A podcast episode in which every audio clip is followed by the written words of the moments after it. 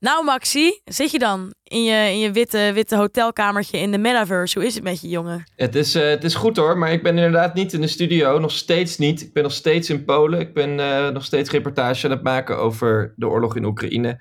En die duurt nog even voort, dus ik, eh, ik mocht nog niet naar huis van de redactie. Ik zit hier in het hotel. Maar je laat mij hiermee dus de hele tijd alleen achter, hè? Met allemaal enge mensen in de studio. Ja, want we hebben dit keer ook echt een doodeng persoon. Ja, die we- alles weet over de digital world.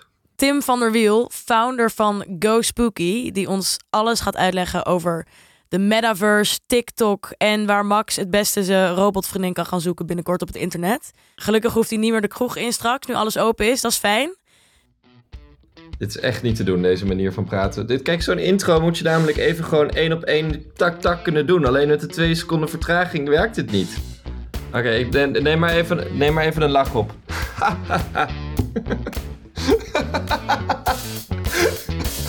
ik haat dit.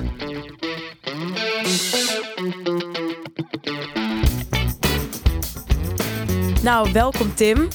Leuk om hier te zijn. Super vereerd om jou hier te kunnen ontvangen. Hoe is het met je? Goed. Hoe is het met jou? Ja, gaat eigenlijk wel prima.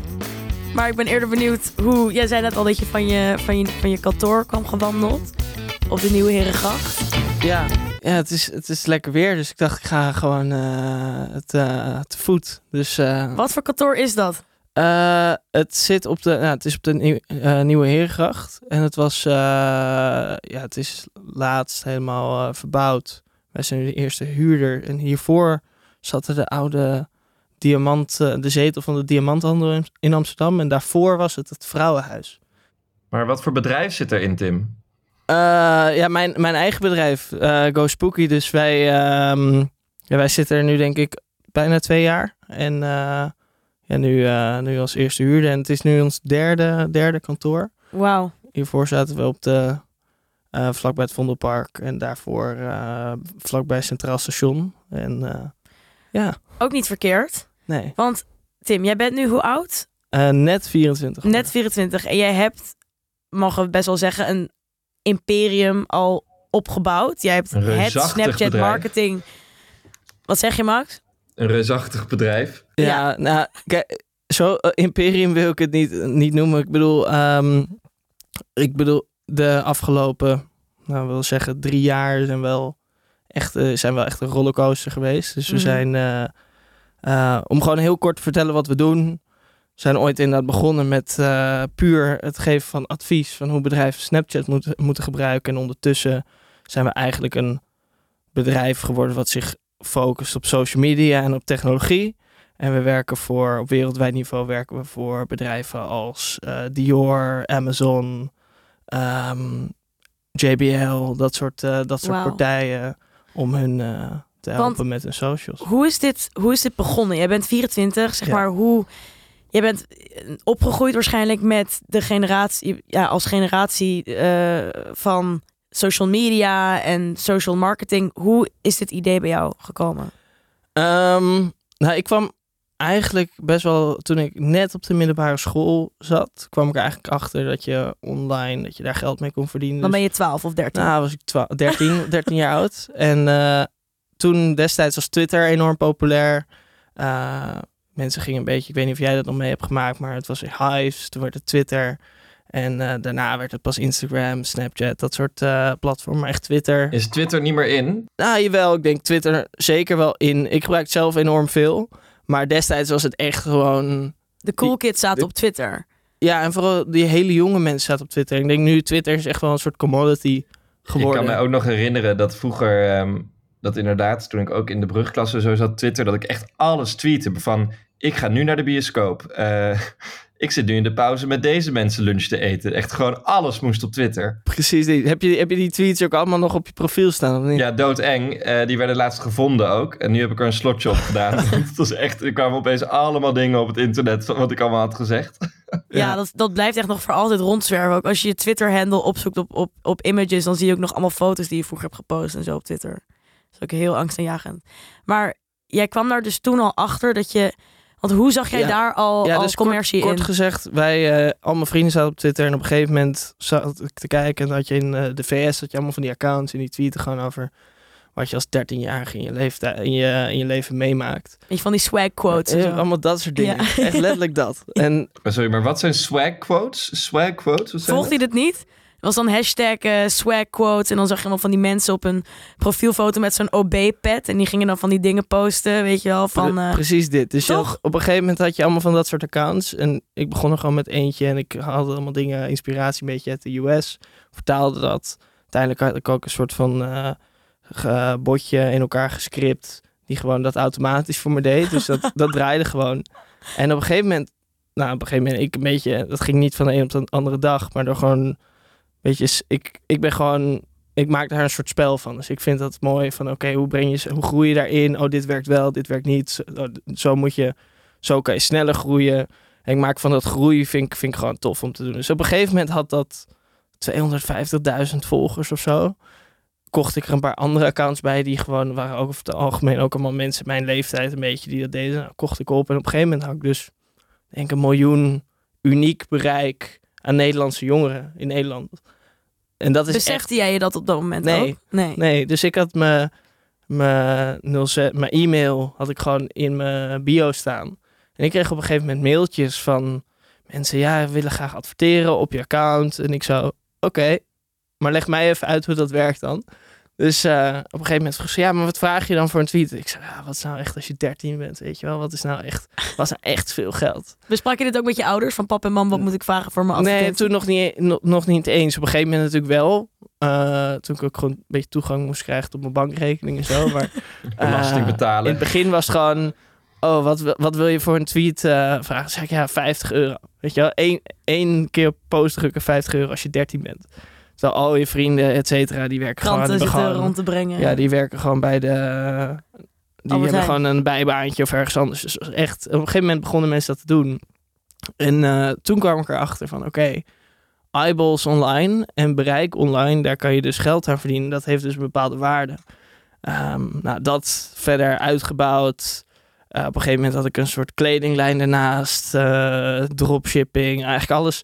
Alle gewoon allemaal kleine bedrijfjes en dat jaagde ik allemaal aan met die, eh, met die Twitter-accounts. Nou, op een gegeven moment Twitter, toen ging dat naar Instagram. En toen verveelde het me eigenlijk een beetje. Ik heb al die accounts heb ik nog, maar toen ben ik eigenlijk een beetje mee gestopt. En een van de bedrijven die bij me adverteerde was dus Spinning Records. Mhm. Eh, dat was... En die vroeg op een gegeven moment, ja, wil je hier niet eh, twee, drie dagen in de week komen werken? En ik kom uit Hilversum. Zij, een kantoor zat in Hilversum, dus ging ik daar gewoon twee, drie dagen na school, ging ik daar met de fiets heen. En ik was daar, dit was net de periode dat net de grote artiesten een beetje getekend werden. Dus eh, Martin Garrix, Afrojack, al die alle bekende Nederlandse DJ's zijn eigenlijk een beetje daar hun carrière begonnen. En ik kwam daar binnen en toen ze al best wel veel op YouTube, Facebook. Ehm, maar ik werd daar eigenlijk een beetje de aangewezen persoon als er een nieuw platform was. Dan ging ik dat uitzoeken en dan ging ik dat Ah. opzetten en eh, zo dus. Dus dat bedrijf is uiteindelijk, ik heb daar vier jaar gezeten toen. Denk vanaf mijn veertiende tot mijn, ja, tot mijn zeventiende, zoiets. En ehm, ja, drie, vier jaar gezeten. En op een gegeven moment is dat bedrijf verkocht. Maar dat bedrijf is gewoon volledig gebouwd op social media.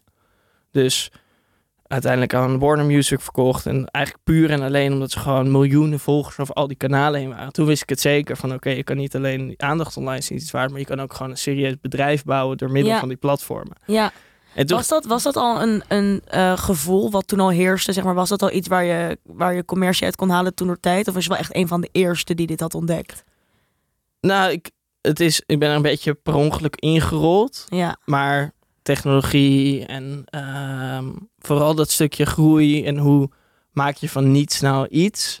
En zeker online, waar dat gewoon door eigenlijk gewoon goed op te letten en continu heel scherp op de bal te zijn en weten waar je moet zijn op welk moment. Ja, dat vind ik gewoon, een, dat, dat komt gewoon, vind ik gewoon leuk om te doen. Want toen jij bij Spinnen begon, was jij dus wat, 13 of 14? Ja, 15, Oh, 14, 15? 15, ja.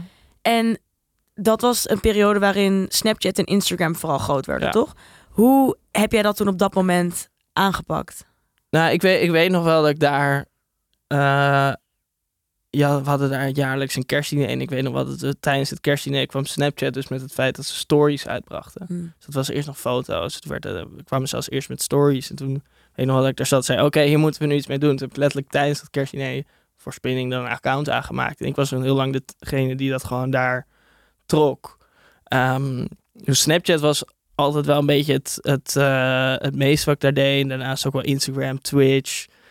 Ook alle Chinese platformen. Dus ik ben ook echt een pro in Chinese Google, platform? Google Translate. Maar de Chinezen in. hebben toch altijd zo'n bizar fenomeen dat ze één app hebben waar, waar alles in gebeurt, toch? WeChat. Ja. ja. Ja, Zit dat je daar-. Wat, wat is dat? Ja, dat is. Kijk, Ch- China is, loopt eigenlijk een paar jaar voor op ons. Dus als je kijkt naar China, dan.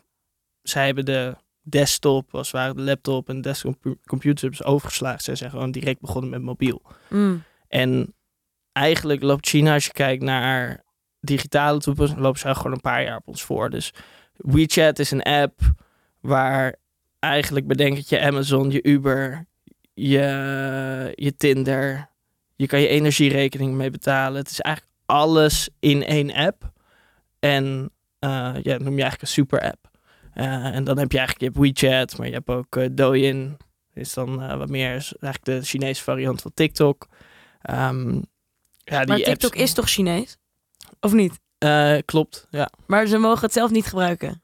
Of ze gebruiken het zelf Nee, niet. eh, TikTok is, eh, is origineel van ByteDance. Mm. ByteDance is het meest waardevolle private bedrijf ter wereld. 450 miljard waard of zo. Ze zijn niet beursgenoteerd. En zij hebben zowel Douyin, wat dus de Chinese TikTok is, als eh, TikTok zelf. En TikTok is eigenlijk alleen beschikbaar in het Westen.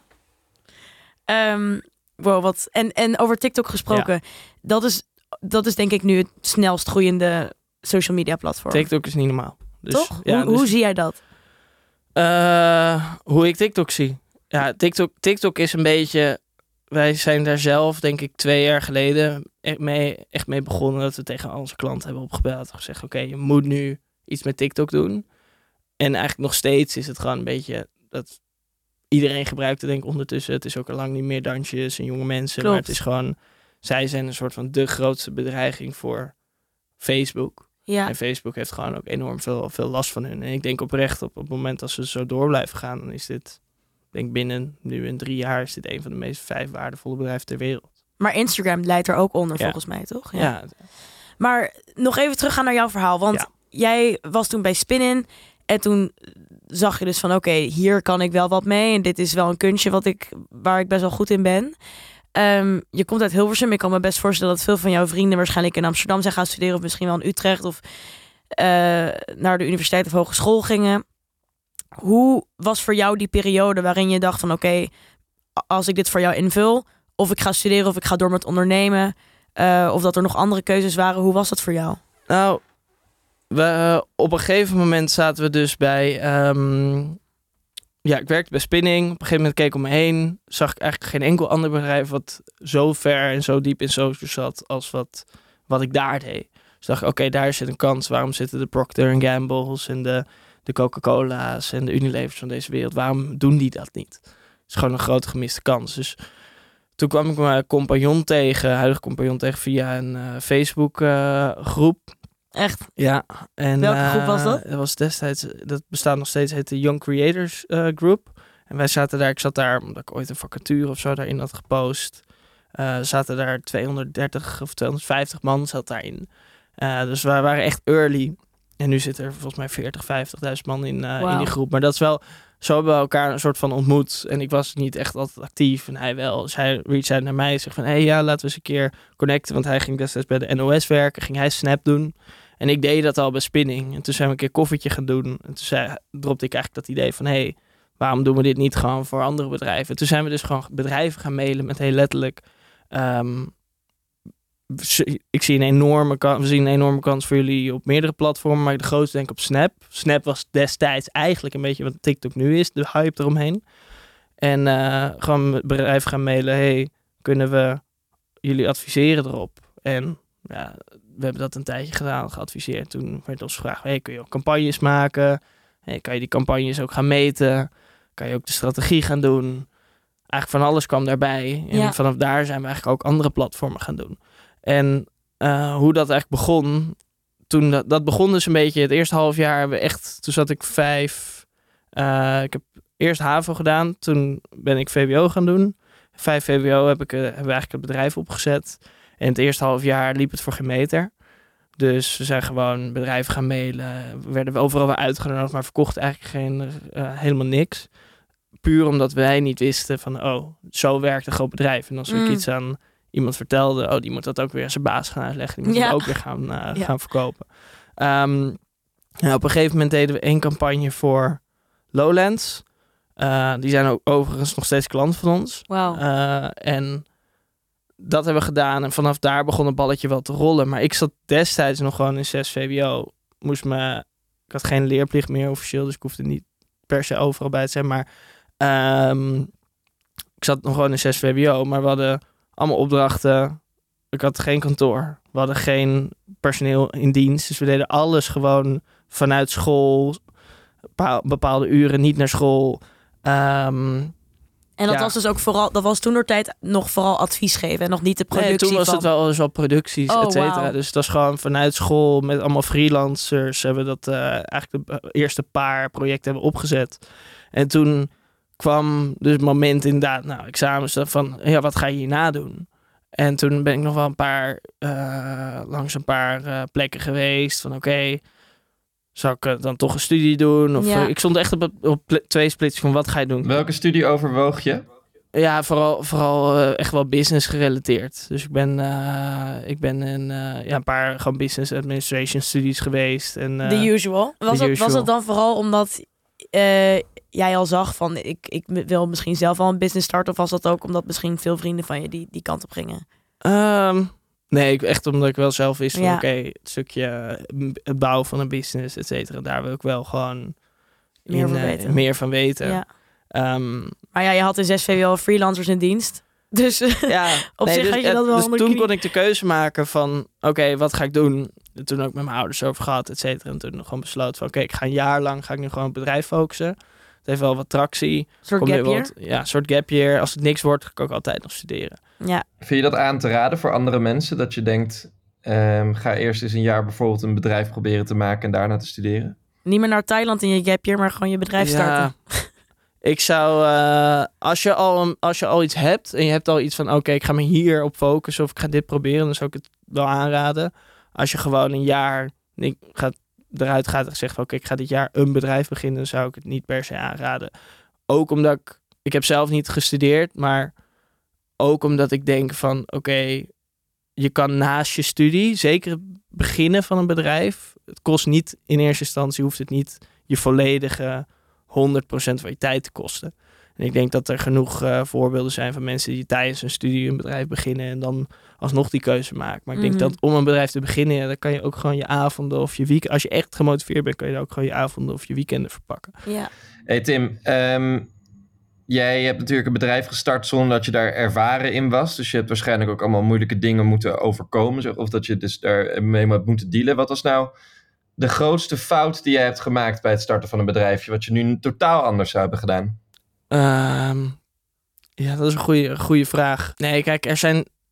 Ik denk dat eh, het beginnen van een bedrijf moet ik eerlijk zeggen dat we daar. Ja, we hebben 100% fouten gemaakt en opdrachten aangenomen die je bijvoorbeeld niet aan had moeten nemen. Of ehm, zeker in het begin. Nou, bijvoorbeeld één Waarom, ding. waarom zou je sommige dingen niet aannemen? Nou, een, nou, in het begin hadden wij heel erg het, eh, hadden we echt gezegd tegen, oké, we gaan ons puur en alleen focussen op echte grote, grote bedrijven. Dus op het moment dat je eenmaal enkel voor grote bedrijven, dan trek je andere grote bedrijven aan. We wilden niet voor, was gewoon meer een ding van, we wilden niet per se voor de bakker op de hoek werken. Niet omdat we dat niet boeiend vonden, maar meer omdat we gewoon wilden, wilden groot. En we wisten ook, oh, die hebben toch niet de budgetten of de aandacht om echt op echt nieuwe dingen te focussen. Dus dat, dat was één. Nee, in het begin waar fouten wil ik niet zeggen, maar we liepen wel tegen dingen aan. En een van die dingen was bijvoorbeeld dat we niet. Je, je begint net, je hebt geen idee wat je nou waard bent. En al helemaal niet als je iets doet wat nog eigenlijk niemand aanbiedt. Dus op een gegeven moment eh, dachten we van, nou, wat, wat is nou mooi. Dan ga je vragen mensen, ja, wat zijn je uurtarief? Of wat eh werken vooral projectbaas, maar ergens, wat ben je nou waard? En eh, hoe we dat eigenlijk oplosten, was dat elke meeting die we op een gegeven moment hadden, deden we gewoon onze prijs keer twee. En eh, dat ging een paar meetings. Op een gegeven moment, nou, dat ging goed. En toen noemde een bedrag. En begon één iemand een soort van te lachen, maar twee mensen nog niet, weet je wel. Dan zat je tegenover drie. dacht, oh, dat gaat ook nog goed. Uh, tot op een gegeven moment, ik weet nog best wel goed, hadden we een uh, offerte ergens uitgestuurd naar een partij. En die, die belde ons letterlijk terug. Die zei, ja, je hebt een, hebben jullie een nulletje te veel toegevoegd? En wij zo, ah, nee. En oh ze, toen, toen wisten we ongeveer, oh, dit is ongeveer de, de top. Dus ze kunnen ongeveer tussen dit en dit opereren. Maar dat zijn, dat zijn dus van die dingen waar je, waar je geen idee van hebt, waar je tegenaan loopt. En voor de rest heb je natuurlijk gewoon de, de um, dingen als ja, legal en uh, je boekhouding en dat soort dingen. Ja. Daarvan hebben we gewoon in het begin gelijk gezegd, oké, dat besteden we uit. En uh, kunnen wij ons focussen op, uh, op waar we goed in zijn. Maar dat soort hele simpele, daar heb ik gemerkt, heel veel, je best veel kennis, maar je hebt tegelijk van hele simpele dingen heb je eigenlijk geen weet. Ja. Ja, dan kan je het beste mensen bellen of er zelf achter. Zijn er bedrijven waar jij van denkt, um, daar willen we niet voor werken omdat ik ze gewoon vervelende bedrijven vind? dat je gewoon op die manier, of, of werk je gewoon op basis van als jullie iets, een opdracht voor ons hebben, dan doen we het. Nee, nee, nee. Wij, kijk, wij hebben zeker um, bijvoorbeeld op het moment dat er nu een, uh, een, uh, een oliebedrijf of dat soort dingen, daar doen we, daar doen we niet aan mee. Krijg je wel eens Ehm, aanvragen van oliebedrijven? Nee, tot op heden nog niet. Maar daar, daar kijken we wel heel goed naar. En van, oké, waar, waar wil je wel voor werken? Waar wil je niet voor werken?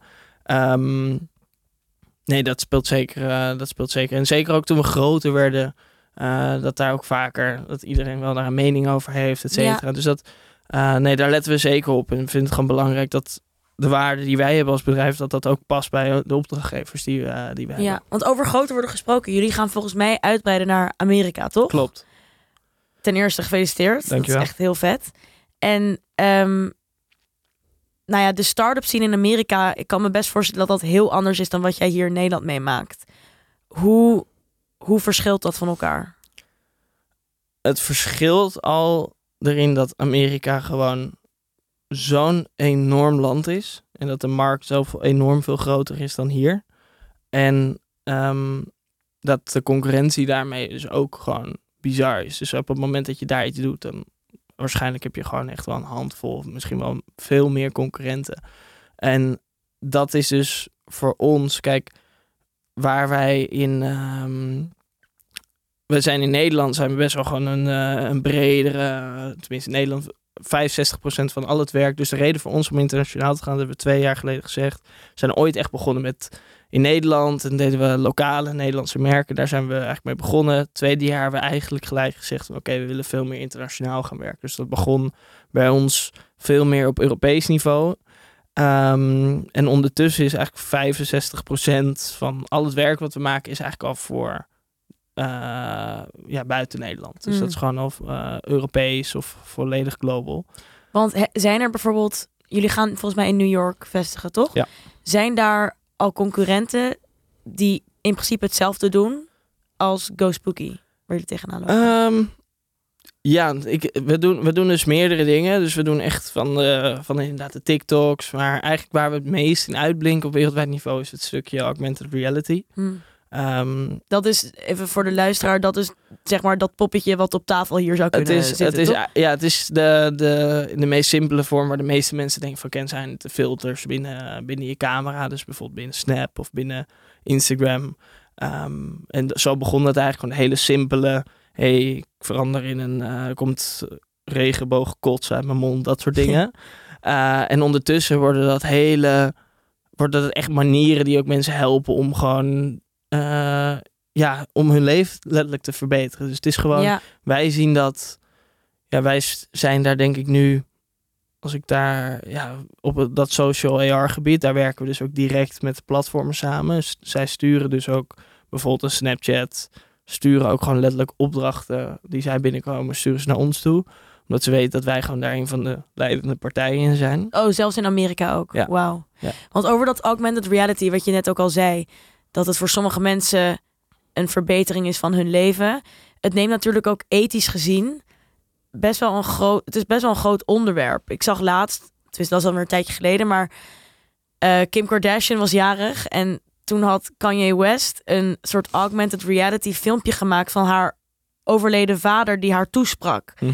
En nou, dat was toen best wel een groot onderwerp in het nieuws van moeten we dit wel willen, weet je wel? Als het kan met de vader van Kim Kardashian, kan het dan niet ook met heel veel figuren in de geschiedenis die we misschien wel heel graag willen vergeten en die we niet in een soort pratende augmented reality versie maar weer willen hebben. Hoe denk je daarover? Maar was dat, was dat wat je bedoelde? Is dat meer, was dat AR of was dat veel meer eh, deepfake wat je bedoelt? Dus Nou ja, dat zijn gewoon ken, een ken filmpje... je het filmpje wat ik bedoel? Nee. Oh, ik zal het even naar je doorsturen. Dat is zeg maar haar vader en die, zeg maar, dat is à la augmented reality. Mhm. Zeg maar gewoon een soort, zo'n soort Dat hij iets die- zegt die- en dat, hij, ja, dat je niet, dat, wat hij eigenlijk nooit heeft gezegd. precies. Ja, ja. Dat dat gewoon geconstrueerd is. Ja, ja dat, is, dat is dus de technologie erachter is hetzelfde. Dus dat machine learning. Ja. Dus het is gewoon, wordt getraind. Je geeft zo'n computer heel veel beelden en dan herkent hij dat. Maar eh, wat, jij bedoelt, wat jij bedoelt is, eer- is deepfake technologie. Dus dan kan je bijvoorbeeld een- iemand iets laten zeggen wat hij nooit heeft gezegd. Ja. En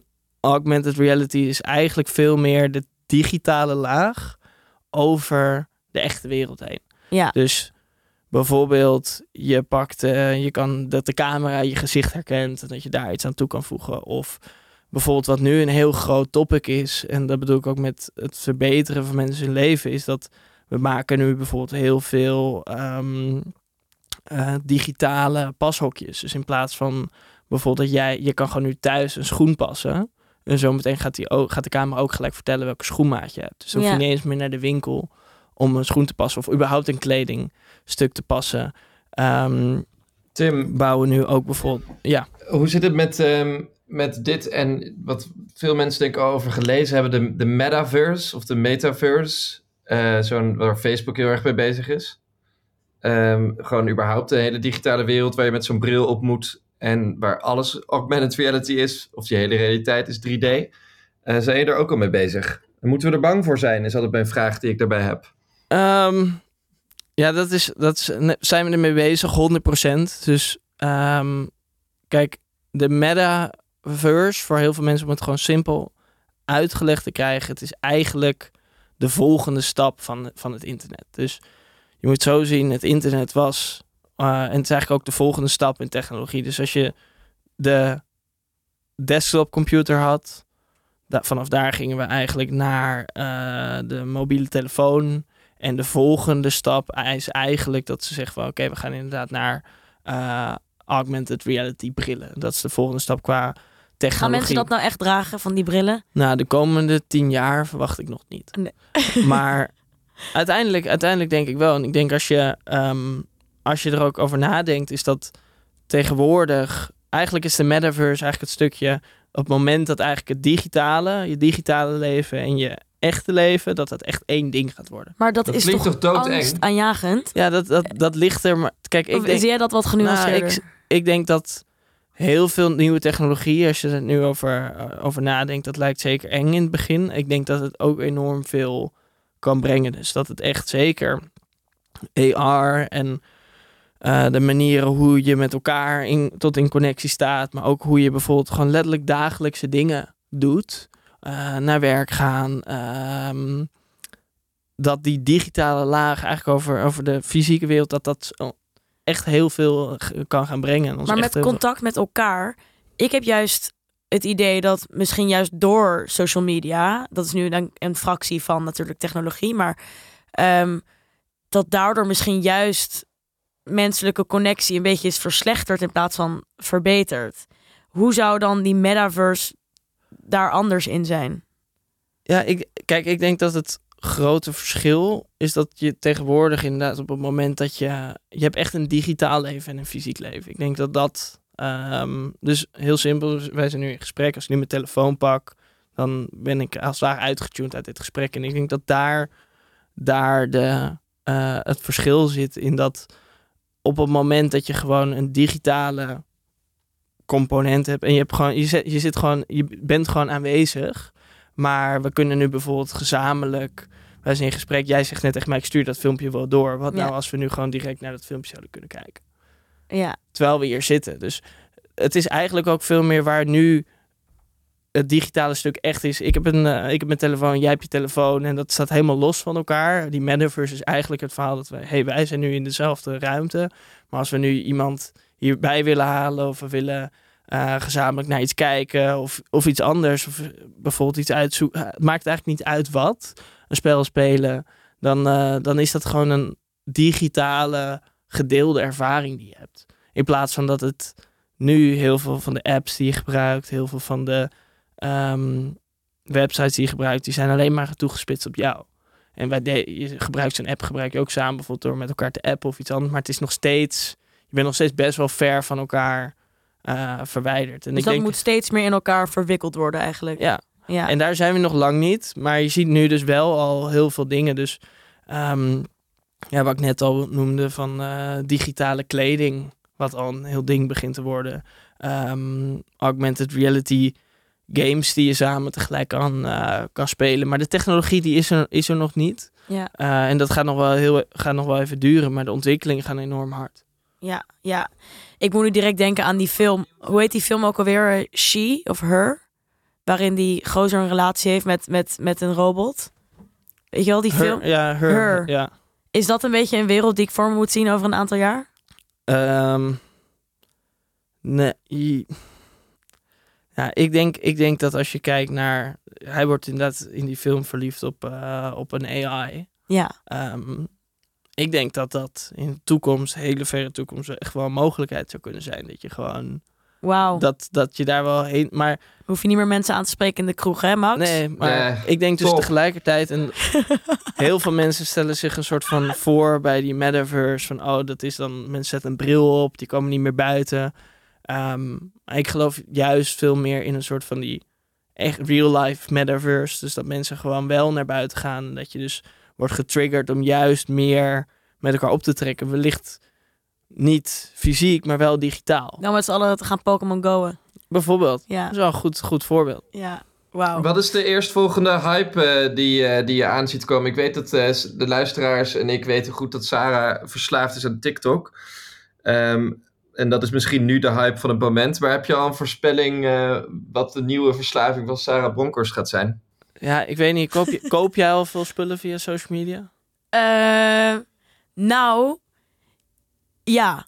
Ja, voor, ja, op Instagram al die vintage, ja. al die vintage winkeltjes, ja, dat is gewoon echt verslavend. Ja. En tenminste, ik koop niet heel, maar ik zet wel, ik, ik favorite alles, ik zet alles in lijstjes en zo, zeg maar dat. En ik vind het ook best wel bizar dat zelfs een van je, van je knoppen, zeg maar onderaan Instagram, is al zo'n winkelmandje. Dat gewoon 25% van je waar je op kan klikken is gewoon al mhm. gefocust op shopping. Ik gebruik het nog niet heel veel als in dat het echt mijn doel is om naar Instagram te gaan. Maar wat ik wel bizar vind is dat Instagram bijna een soort nieuwe Google is. Als ik ergens wil gaan eten en ik zoek een leuk tentje, dan ga ik eerst kijken naar Instagram en niet naar Google. Uh, hetzelfde geldt inderdaad voor als ik een nieuwe, weet ik veel, uh, bril zoek of een nieuwe, nieuwe schoenen of een vintage truif iets in die richting. Dan ga ik niet op Google zoeken vintage uh, websites. Ik kijk gewoon wie volgt wat en waar heeft uh, een meisje op Instagram die ik uh, altijd leuk uit, mm leuk gekleed vind zien, waar heeft ze die gekocht, weet je wel? Dat is wel echt al. Ik ga gewoon nog naar een winkel. Je bent zo'n zo'n lekkere analoge jongen ben je hè, van de vorige eeuw, Max. Ja, ik... en toch zit je nu op Riverside, ben je gewoon nu aan het joinen. Ja, maar ik vind dat een hele nieuwe wereld op Instagram shoppen. Ja, het is, ik denk dat dat als je nu kort termijn gaat kijken, en ik denk die metaverse laat zich nog wel even een paar jaar echt op zich wachten. Ehm, maar dat shoppen via social en niet alleen via Instagram, maar ook via TikTok en via Snap, dat, dat, dat gaat echt nog veel, veel, veel groter worden. En eigenlijk al die platformen die zie je nu een soort van veranderen in uh, digitale winkelcentra. Ja. Um, Wauw. Dus dat daar zou ik, ja, daar zie ik enorm veel uh, potentie in. En uh, ja, uiteindelijk is het uh, zeker in Instagram volg je nog mensen en dan ga je zelf nog zoeken. Maar de volgende stap is dus eigenlijk veel meer dus dat TikTok-model. Dat dat aan jou wordt, dat, dat, aan jou wordt gegeven eigenlijk zonder dat je het volgt. Veel meer recommendation is. Dus nu zoek je nog naar iets, maar zometeen hoef je helemaal nergens meer naar te zoeken. Want, ze kennen je al. Je krijgt het gewoon al recommended door het algoritme. En dat is, ja, dat gaat ervoor zorgen dat veel, dat je nog veel meer nieuwe producten, veel meer nieuwe. Als zij jou een hele video kunnen laten zien die je heel tof vindt, dan kunnen ze je ook een product laten zien die je graag Exact. wil kopen. Ja. Dus dat is, eh, dat is wat mij betreft de volgende, volgende fase. Nou, ik ben benieuwd, Tim. We spreken elkaar dan over een aantal jaar weer. En dan zitten we hier allebei met Snapchat-brilletjes op. Sowieso, sowieso. En eh, dan heeft Max zijn nieuwe, zijn nieuwe robotvriendin waarschijnlijk mee. Die kan dan meedoen aan het gesprek. Dat is gezellig. En eh, dan eh, spreken we elkaar over een, eh, over een aantal jaar weer, Top. Tim. Gezellig, kijk er nu al naar uit. Dankjewel dat je er was. Geen probleem.